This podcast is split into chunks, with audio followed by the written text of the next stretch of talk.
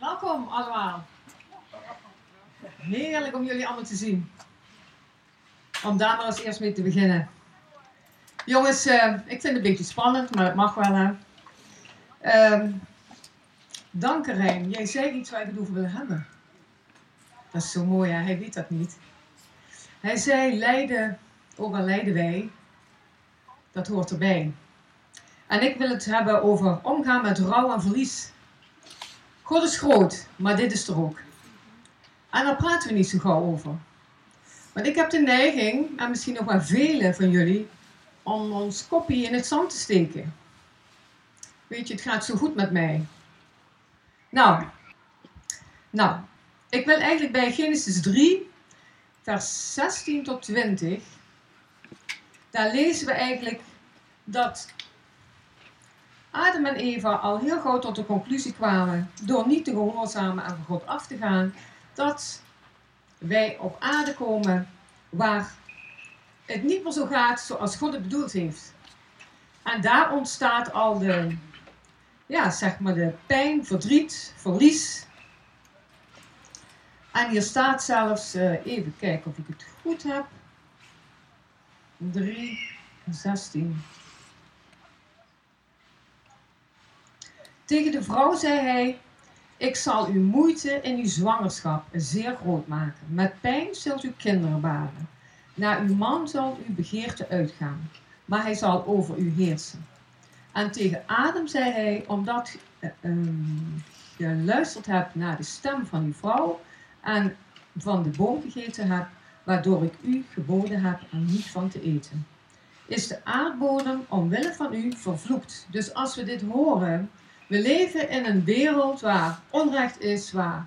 Ja, dat is er gewoon. En ik denk, hoe beter je dat nog snapt, hoe beter je daar ook mee kunt omgaan. Het is zo. Het kan er niks anders van maken. We hebben alle te maken met verval, met verdriet, met ziekte, met verlies. Het is er, hoe erg het ook is. Maar nu is de kunst, en dat is het allerlastigste, hoe ga ik daar nou mee om als christen zijnde? Want dat is natuurlijk ook zo verschillend. De een, um, ja, laat ik daar nog maar niet over beginnen. Het is in elk geval zo dat iedereen dat anders doet. Nou, in elk geval, ik zal jullie um, in elk geval een stuk getuigenissen geven ook van het rouwen in mijn leven. En dat is vooral met name, vooral met name toen ik nog geen christen was en toen ik wel christen was. Dus dag en nacht verschil. Toen ik geen christen was, ik heb geleerd, en daar heb ik jullie uh, een jaar geleden over verteld, hoe mijn leven als kind een beetje uitzag.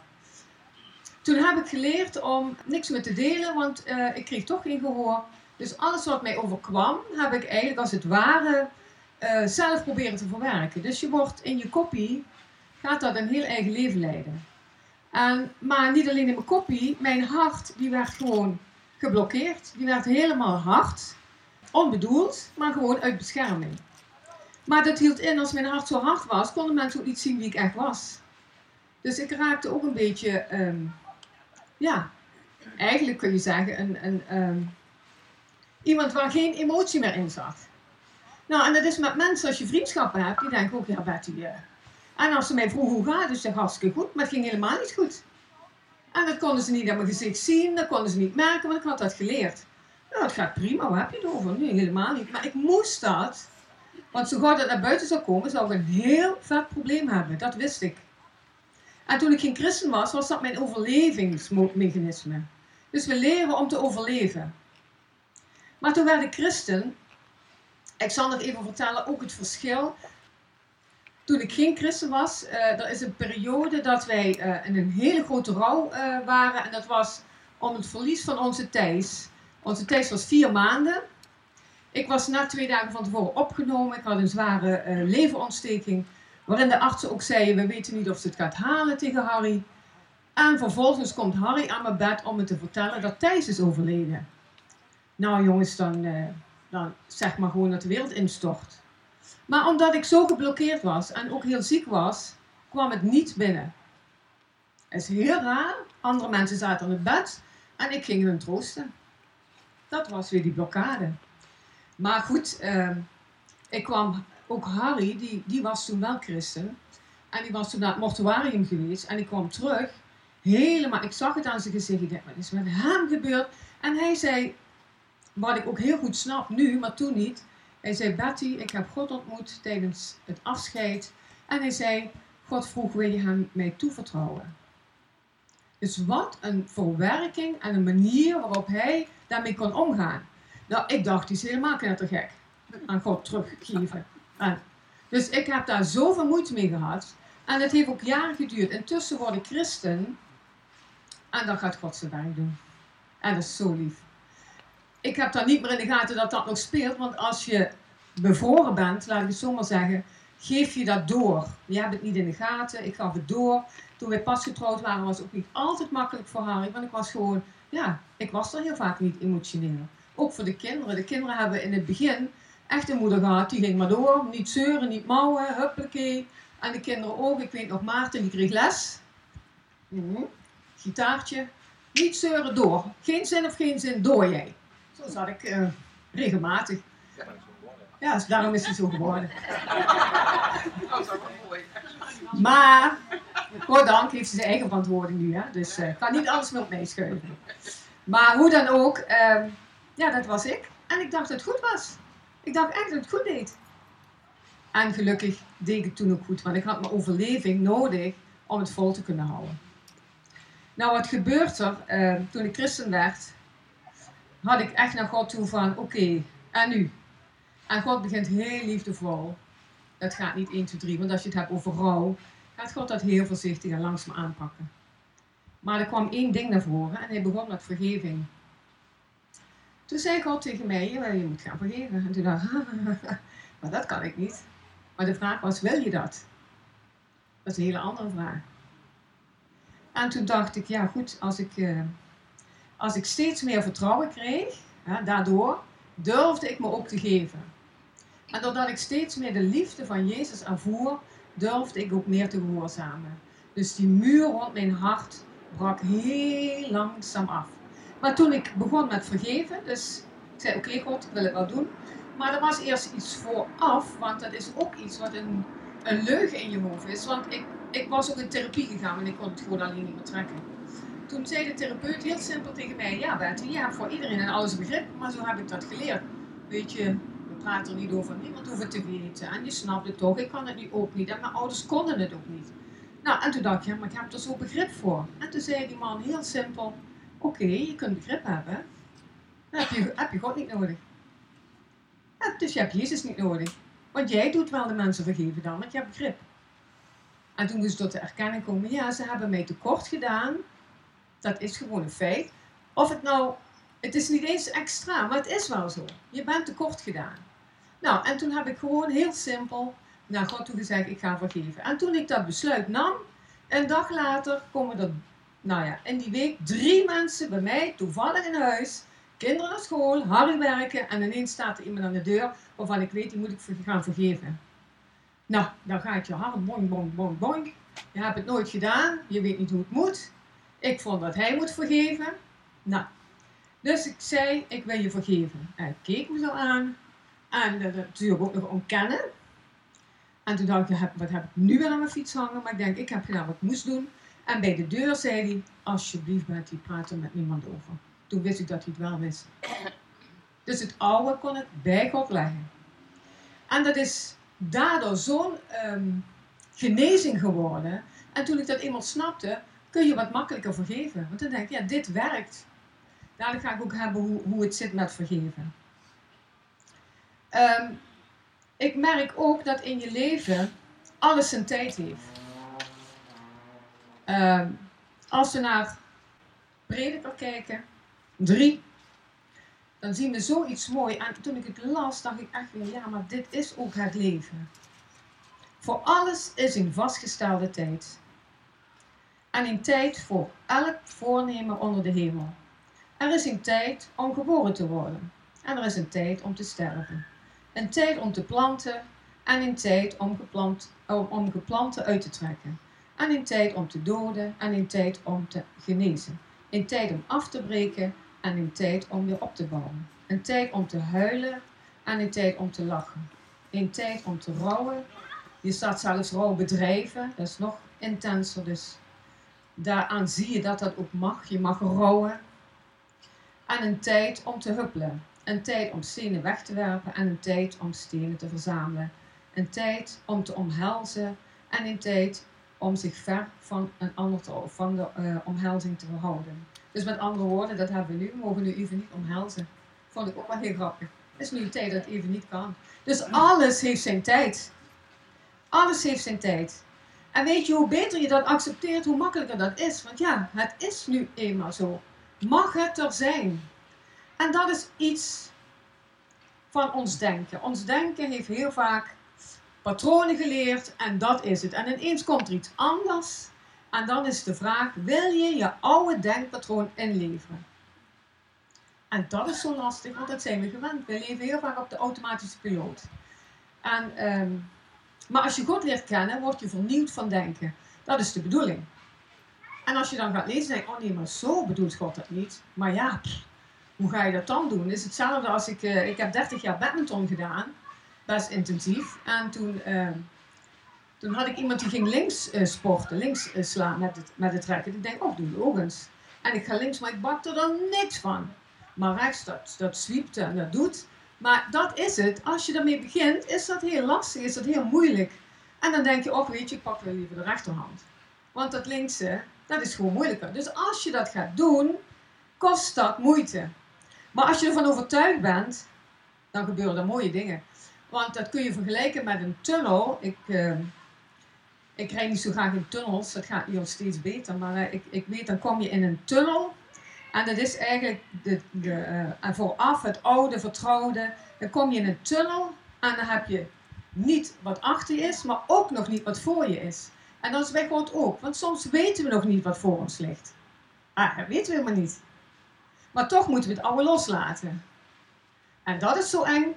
Dat is heel eng. Maar hebben wij het vertrouwen, en dan kijk ik naar mezelf in die tunnel, dan zit je in een heel stuk waarin je het niet weet. En dat is zo'n benarde rotsituatie. En dat zie ik ook vaak in de hulpverlening. Mensen willen het oude niet, het nieuwe durven ze niet, en dan zitten ze hier in het midden. Ja, dit weet ik niet. Dat, ja, dat, dat gaat niet meer. En nu is de vraag, wil je daar vanaf? Want het is toch ook wel een keus. Wil je door? Nou, dit heeft mij heel erg geholpen, omdat ik toen ik uit die tunnel kwam, zag ik een prachtig mooi land, om het zomaar eventjes nog aan te halen. Een mooi land. Als ik er niet doorheen was gegaan, had ik niet die mooie natuur gezien. Dus je moet wel ergens doorheen om ergens te komen. En zo zie ik dat met mijn leven ook, maar ook met jullie levens. Ik heb eens een keer een, uh, met een groep vrouwen, ik denk dat Jolanda daar nog bij is geweest, hebben wij een hele periode gehad, liefde kun je leren, was het thema. En daar las ik een stuk uit en dat raakt me nog altijd. En dat herinner ik me ook meteen weer. En dat gaat over dat een moeder met een kindje wandelt door de straat. En het kindje ziet een popcornautomaat. En de popcornautomaat kun je zo de popcorn zien zitten, achter het glas. En het kindje zegt tegen moeder, oh mam, ik wil zo graag popcorn. En moeder zegt, natuurlijk schat, daar gaan we naartoe. Dus dat kindje gaat er naartoe met moeder, heeft het centje in de handen, want dan moest je wat induwen. En dan zou de popcorn komen. Maar moeder komt eraan en ziet, het is defect. En het kindje zegt, en de moeder zegt, ja, het is defect. En het kindje zegt, ja, maar mam, ik zie je toch zitten? Ja, zegt de moeder, het is defect. En dan, daarna denk ik, weet je, zo zie ik zoveel mensen. Ik zie het zitten, zoveel moois, maar op een of andere manier is er iets kapot gegaan. En dat raakt me nog altijd. Dat raakt me ook in de gemeente. Als ik met mensen praat, dan denk ik, oh, wat zijn dat toch mooie mensen. Och, er zit zoveel moois in. Maar zijn belemmerd of kapot geraakt en ook daar blijven zitten. En dat denk ik dat God wil. God wil de tijd die je nu hebt, wat wil je gaan doen? Nu is de tijd. Niet meer wat geweest is, maar nu. En ik denk bij die popcornautomaat, nou laat er een monteur komen, om het maar heel simpel te zeggen. Nou laat de monteur aan ons leven. Niet sleutelen, maar laat die binnen. En dan moet ik denken aan een Kijken jullie eens wel naar een ziekenhuisserie? Ik vind het fantastisch. Ik vind het fantastisch. En, dan, kijk ik toch weer even die kant uit, maar toch wil ik het weer even zien. Maar wat ik heel vaak zie bij de eerste hulp, dat ze komen uh, bloed erbij, bloed erbij. Er zijn mensen zo verzwakt, de bloedstransfusie. En dat zie ik bij God. Uh, ik heb geleerd om nieuw bloed, om het zo maar te zeggen, als ik verzwakt ben en het niet meer weet, we weer laten vullen met zijn bloed. Want hij is degene die ons leert anders te denken, ons leert om durven kwetsbaar te zijn, ons leert om te herstellen. Hij is de trooster. En dat is zo mooi. Maar we hebben die transfusie nodig. Ben ik bereid om die naald in mijn vinger te doen of aan de, arm? Dat is de vraag. Weet je, uh, uit angst, want sommige mensen weten het ook echt niet, zijn bang en laten het niet toe. Maar er zijn ook kerken, of, of dat we in kerken ook erg beschadigd zijn, dat moet ik eerst zeggen. Er zijn heel veel mensen, ik kom op conferenties, en als ik zie wat mensen lijden onder manipulatie, onder verkeerd leiderschap, dat is afschuwelijk wat we elkaar kunnen aandoen. En um, dat ben je ook niet zomaar kwijt. Dat zijn ook een van de plekken waar je het meest geraakt wordt, omdat je familie bent.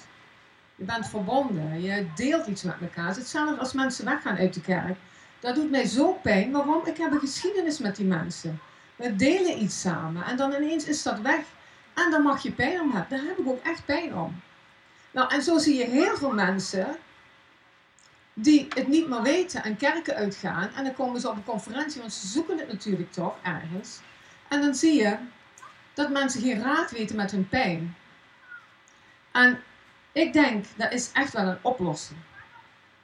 De pijn mag er zijn. En de pijn moet je onder ogen zien. Want dat is ook vaak wat wij niet durven. Durven wij te rouwen? Durven wij boos te zijn? Wie durft dat? Oké. Okay. Vind ik ook een hele goeie. Maar niet boos blijven, hè? Even bij de, bij, bij, uh, voor de duidelijkheid. En ook niet, denk ik, want dat is ook belangrijk, als je boos bent dat je een ander doet. Want als ik geblokkeerd ben en van het verleden nog last heb, dan uh, ja, ga ik projecteren. Dan kom ik Martin tegen, denk ik, me nog niet goeiedag, wat ben je voor ene? En dan voel ik me gepasseerd en getriggerd, uh, whatever. En dan denken wij dat Martin dat schuld is. Maar hou even, hier, bij mij gebeurt er iets. Als ik hem tegenkom. Maar zo is het wel dat wij vastlopen, gewoon in ons, in ons dagen. Je ziet wel eens bij een kassa bijvoorbeeld. Sta bij een kassa, nou ja, ik per ongeluk uh, ik iemand of uh, dan zie ik me toch iemand uitflippen en oh jeetje. Maar weet je, ik denk dan, oh ja, daar zit wat achter. Vaak zien we dat niet. Want dan denk ik, wat moet jij? En dan gaat het. Dan heb je twee manieren. Dan gaat het niet om jou, maar het gaat om de ander. Dan kun je makkelijker zeggen, ja, heeft ze dag misschien niet. Of de, de, ga eens wat harder of iemand die remt. En weet je, ik ga ook wel eens bijvoorbeeld, anderen ook wel eens. Maar dan kunnen ze kwaad worden. En, waarom? Waarom toch? Waarom irriteert mij dat? Ik vind dat een goede vraag. Waarom irriteert me dat nou? Dit heb daar heb ik nog steeds last van. Dan ben je een, vent, hoe zeg je dat als vrouw? Dan ben je een... Uh... Maar ben eerlijk, durf gewoon te zeggen, jongens, hier heb ik last van. Zeg dat gewoon, maar we hebben het allemaal. Er is niemand. ik snap het niet, maar het is er wel. Gunnen we elkaar de processen waar we in. Het zijn processen. De ene keer ben ik in de halleluja-sfeer en dan denkt de ander, nou, maar mag de ander heilig zijn, of hoe je het ook mag noemen, hè? Ja, die zit in die fase. Maar de ander, die heeft verdriet, geeft bij opkomst. Of dat hij zegt, weet je, ik sluit even mijn raampjes. Dat mag. Dat mag. Dat wil zeggen, als je erin blijft hangen, hallo, dan, kom, uh, dan, dan, dan komen we wel over de vloer. Ik noem een hoop mensen waar ik kom bij mijn werk, die erin zijn blijven hangen. En ik heb uh, een maand geleden, dat wil ik heel graag vertellen, want daar word ik zo blij van. Ik kom bij een vrouw en zij heet Marta. Een vrouw die heel moeilijk kon spreken, had een TIA gehad. Ehm, de dokter was net geweest om ehm, dat wij als hulpverleners ons zorgen maakten omdat ze het eigenlijk niet meer zag zitten. Um, nou, daar mocht ik even gaan om te kijken, goh, wat zou ik nog voor die mevrouw kunnen betekenen. En ik zeg, goh, wat is er toch, moest heel goed luisteren. Ze was heel traag, ze kon niet goed praten door de TIA. Nou, en vijf minuten dacht ik dan meteen, en God gaf me dat ook op het hart. Je moet vergeven worden. Ik wist het meteen. Maar ja, je komt bij mensen die niet geloven, hoe doe je dat dan? Maar ik dacht, kan me geen drol interesseren. Ik ging zeggen, weet je, zo boos op de ex-partner. En intussen al zes jaar geleden. Hè? En natuurlijk kan het pijn blijven doen. Nou, en zelfs ook niet meer verder willen. En uh, toen zei ik tegen haar, ja, je Jezus? En toen zei ze, ja nee, ik ken Maria. En uh, ja, en ik praat wel eens met Maria. Dus ik ging uitleggen, gewoon, weet je, Jezus is de weg.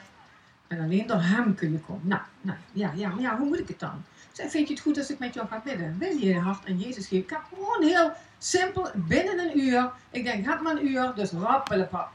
Nou, ik zeg, wil je Jezus? Ja, ze wilde Jezus volgen. Dus ik ga bidden. Ik zeg, bid me maar na, hoe moeilijk het ook was voor haar. Dus ik zei, wil je echt, denk goed na? Ja, ik wil, nou. Dus ik ga eerst beginnen. Wil je Jezus aannemen? En ze bad me gewoon na. Met horten en storten, maar ze, maar ze deed het. En vervolgens zei ik, nou, fantastisch. Oh ja, maar wat met mij, zei ze zo echt van. Nou, en toen zei ik tegen haar, oké, maar nu gaan we vergeven. Ja, dat vind ik een beetje moeilijk. Ik zeg, jij kunt dat ook niet. Dat is juist het gekke, jongens. Wij kunnen niet vergeven. We hebben Jezus nodig. Wij kunnen het niet. De boosheid, uh, je hebt het gevoel dat je recht hebt op, op wat uh, de, de ander heeft je onrecht aangedaan en jij hebt recht om eigenlijk te vergelden. Nou, en dat moet je laten liggen. Wil je dat? Wil je dat laten liggen? Nou, ik zei tegen die vrouw, wil je dat aan Jezus vragen? Nou, dat wilde ze wel, dus ik ga bidden. En ik zeg, zeg zijn naam. En daaraan zie ik hoe belangrijk het is om het te beleiden. Zeg zijn naam. Zeg dat je het bij de Heer legt. Nou, ik heb allemaal voorgebeden en zij deed met hakken en stukken. En een paar keer leek het me niet dat ze me verstond, maar ik denk... En ineens huilen, huilen. Ze zei, een baksteen is van me afgevallen. Ik ben weggegaan en vorige week ben ik weer even bij haar geweest. Ze praten totaal anders. Ze zei, ik ben gevangen. Ik zat zo gevangen in mijn woede, dat ik gewoon er ziek Dan ga je bittere vruchten, hele zure vruchten afwerpen. Heb je zelf niet in de gaten, want je bent een deel. Ik was zo blij dat daarna de zuster nog bij kwam, want die wilde mij ook wel even zien. Nou, daar heb ik zelf mee gedaan, want die was alleen maar Maria vereren. En weet je, toen ik ging bidden, vind ik ook wel heel leuk. Zij zijn katholiek. Toen dacht ik, ik moet even goed nadenken, hoe ging dat ook alweer met katholieken? Onze vader, zoon, de heilige geest. Ik ging gewoon doen wat bij hun paste, zodat het voor hun ook normaal wordt. Ik vind dat zo'n mooi verhaal. Willen jullie dat niet gaan doen met mensen? Ik vind dat fantastisch. Om mensen vrij te zetten. Maar dat kon ik alleen omdat ik zelf steeds meer vrij word. Als ik het lef heb om dat te doen, of dat ik bezig ben, oh ik voel me niet lekker en die is niet aardig tegen mij. En wat er toen is gebeurd, ja, ziet dat niemand? En snapt niemand dat nou? Ja, dan kunnen we nog lang blijven wachten. Maar ik ben verantwoordelijk. Ik ben zelf gedoe. Durf ik, ik weet dat ik regelmatig in de auto zit en zo gigantisch boos zijn om iets. En dat breng ik naar God toe. Al, ik zeg altijd, als je het naar God brengt, op de knieën bewijzen van, dan ben je nog respectvol. Maar ben boos, je ziet het in alle psalmen. Boosheid, verdriet, uh, het niet snappen. Maar op het einde zegt hij altijd, en toch vertrouw ik. Als je het kwijt bent, dan komt er iets anders voor in de plaats. Maar als je het niet kwijt bent, blijft, kan God er niet bij. God kan er absoluut niet bij. Ik heb dit helemaal niet nodig. Weet je, um, dit is ook zo mooi gezegd. Een mens lijkt meestal het meest door het lijden wat hij vreest. Nou, zeg het maar. Maar wat nooit opgedragen, verliefd bij meer te dragen dan God te dragen. Alsjeblieft, ik hoef niet eens te zeggen. Maar jongens, dit is zo waar. Oh, dan ga ik toch lezen. Ik dacht, dan ik daar weer mooi vanaf. Uh, een mens lijkt meestal het meest door het lijden wat hij vreest, maar dat nimmer opkomt dagen. Zo krijgt hij meer te dragen dat God te dragen geeft. Hey, en hier zat ik in hoor, jarenlang. Wat was ik bang voor alles. Ik was bang om over een brug te rijden. Ik was bang om de telefoon op te nemen. Ik was bang om contact te leggen. Ik was overal bang voor. En kijk wat God doet. Ik kom bij plekken. Jullie willen niet weten wat ik mag doen in zijn koninkrijk. Ik word daar zo blij van. Daar word ik zo. En dat is wat ik wil. Ik wil dingen doen die ertoe doen. En dat is echt. Als ik bij mensen kom die helemaal vastzitten, dan denk ik, oh God, wat wil. God houdt van die mensen. Ik zie die popcorn, ik zie goud in mensen. Maar zelf zien ze het niet. En dan is het de kunst om ook gewoon heel simpel te zeggen, weet je, ik vind jou de moeite waard. Begin daar eens mee. Je bent de moeite waard. En er zijn allerlei redenen waarom mensen het ook niet durven. Oké, eens even kijken of er nog iets belangrijk is. Ja. Hoe kunnen wij vanuit onze persoonlijke verantwoordelijkheid leren om te gaan met rouw? Want we hebben een eigen verantwoordelijkheid. Op de eerste plaats zeg ik, dat zei ik net al, komen in de tegenwoordigheid van God. Bad net heel bijzonder. Dat raakte mij zo. Weet je, wij zijn het vaak niet waard om bij God te komen. Maar God ziet het wel met ons zitten. Hij wil met ons verder. Wat we ook doen, dat is zijn bedoeling. Daar is hij voor gestorven. Dat is, dat zijn karakter. Hij wil relatie. Hij wil met ons verder. En wij denken dan, oh, nee, maar God is de God van liefde. En als je daarmee um, verbindt en steeds dieper gaat, ja, dan, dan zijn de dingen wel om je heen, maar dan ga je ze anders zien. Ze komen in een heel ander perspectief. En dat, dat is, ja, het is niet makkelijk. En je mag best wel rouwen, maar dan ga je het anders doen, met hem. En soms zijn we ook echt uh, hopeloos, is niet het goede, goede woord, maar zo voelt het soms wel. En weet je, en dat mag. Dat mag. Maar durven dat tegen allemaal te zeggen? Vaak hebben we niet eens in de gaten, ook als ik hier kijk in deze kerk, weten soms helemaal niet waar mensen doorheen gaan. En mensen hebben één naar het ander, dat ik denk, jeetje, hoe hou je het vol?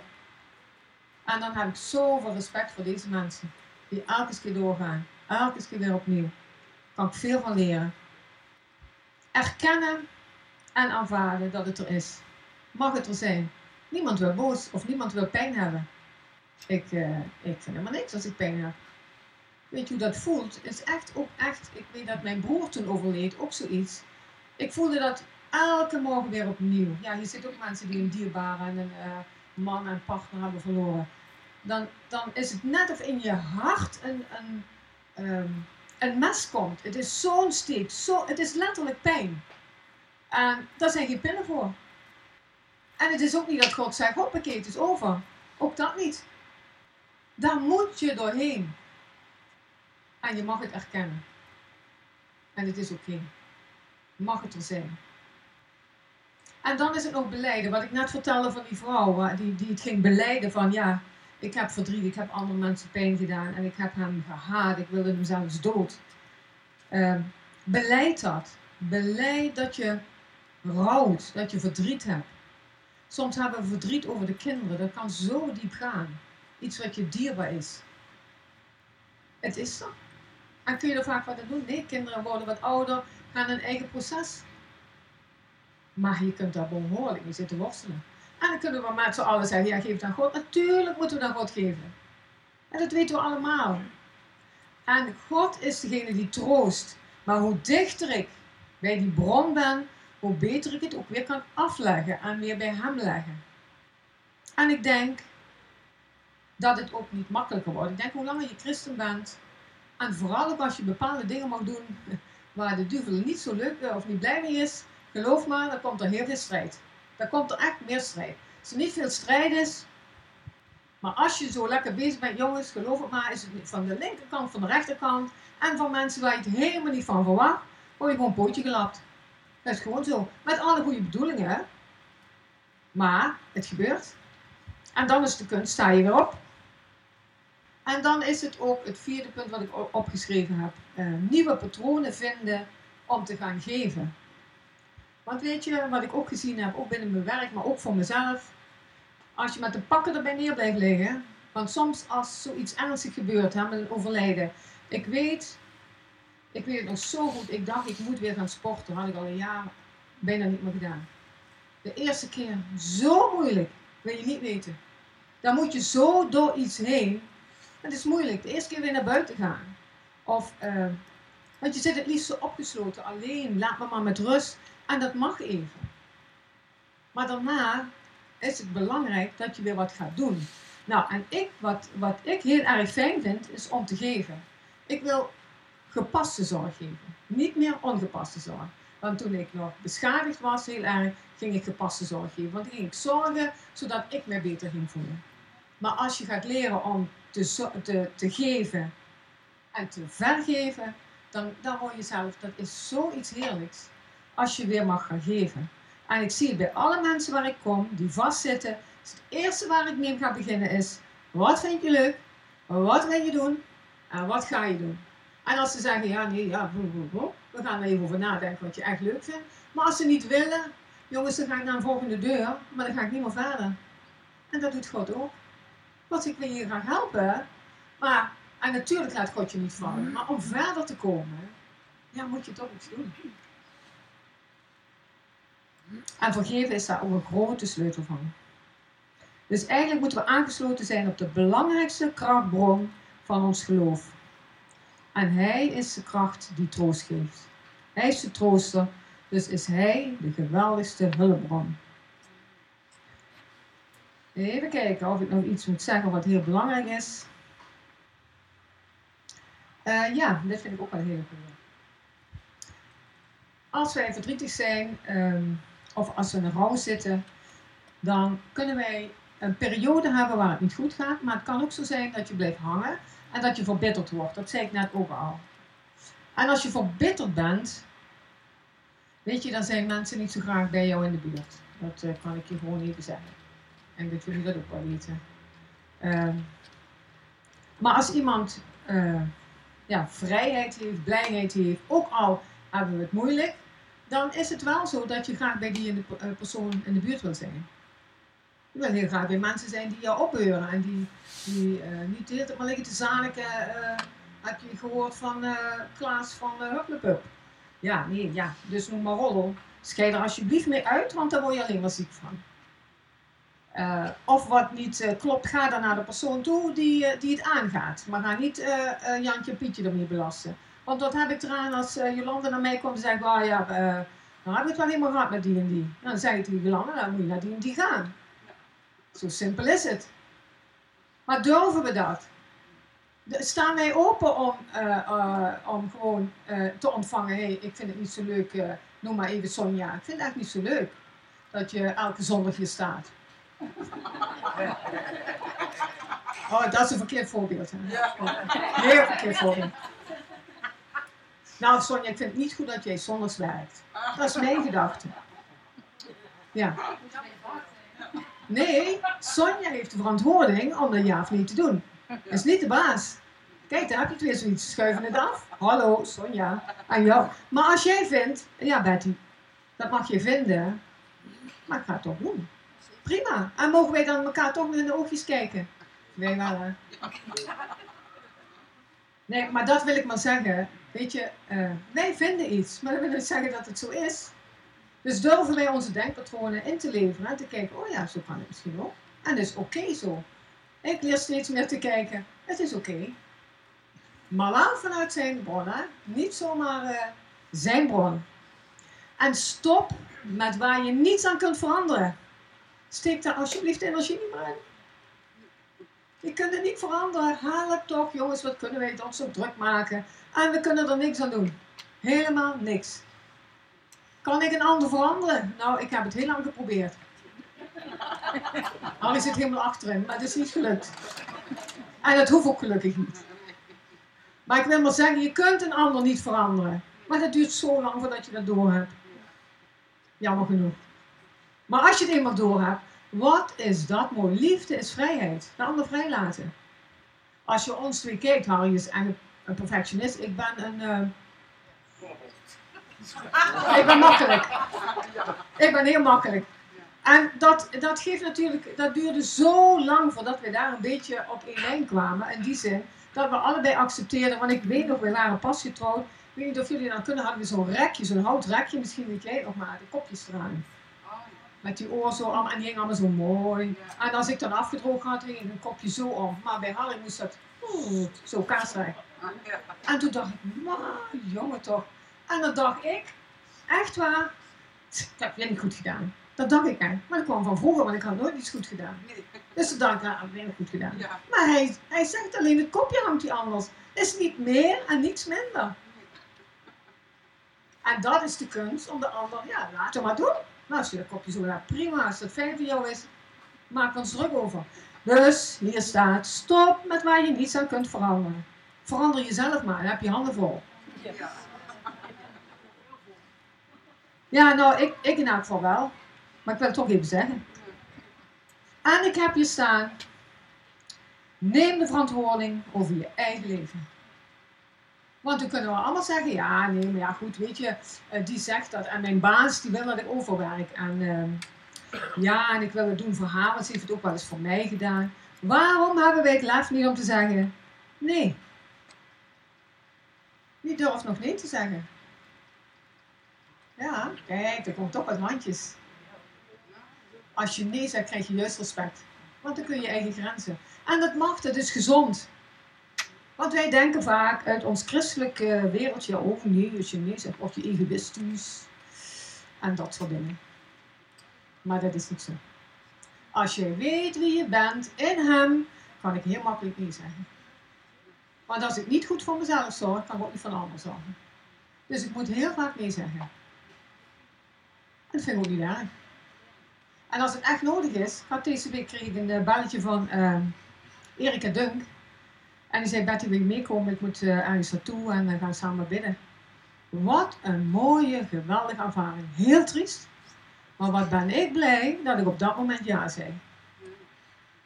Ik vond het, het was een vrouw van 33. Ze leek hoogzwanger, ze, maar ze had kanker. En heel het gezin eromheen. Wat een bijzondere tijd. We hebben eigenlijk alleen maar alle mensen, heel het gezin, in de aanwezigheid van God gebracht. Wat een bijzondere tijd. Wat er ook met die vrouw gebeurt. Maar dat is wat ik wil. Dat is wat ik wil gaan doen. Uh, in de tegenwoordigheid van God brengen. Mensen daar naartoe brengen. En al die blokkades moeten opzouten in Jezus' naam.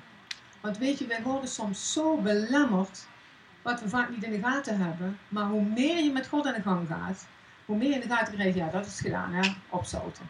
Dat is een keus. Soms moet ik zelf, dan sta ik op en denk, oh, oh weet je, dan zie ik tegen iets op.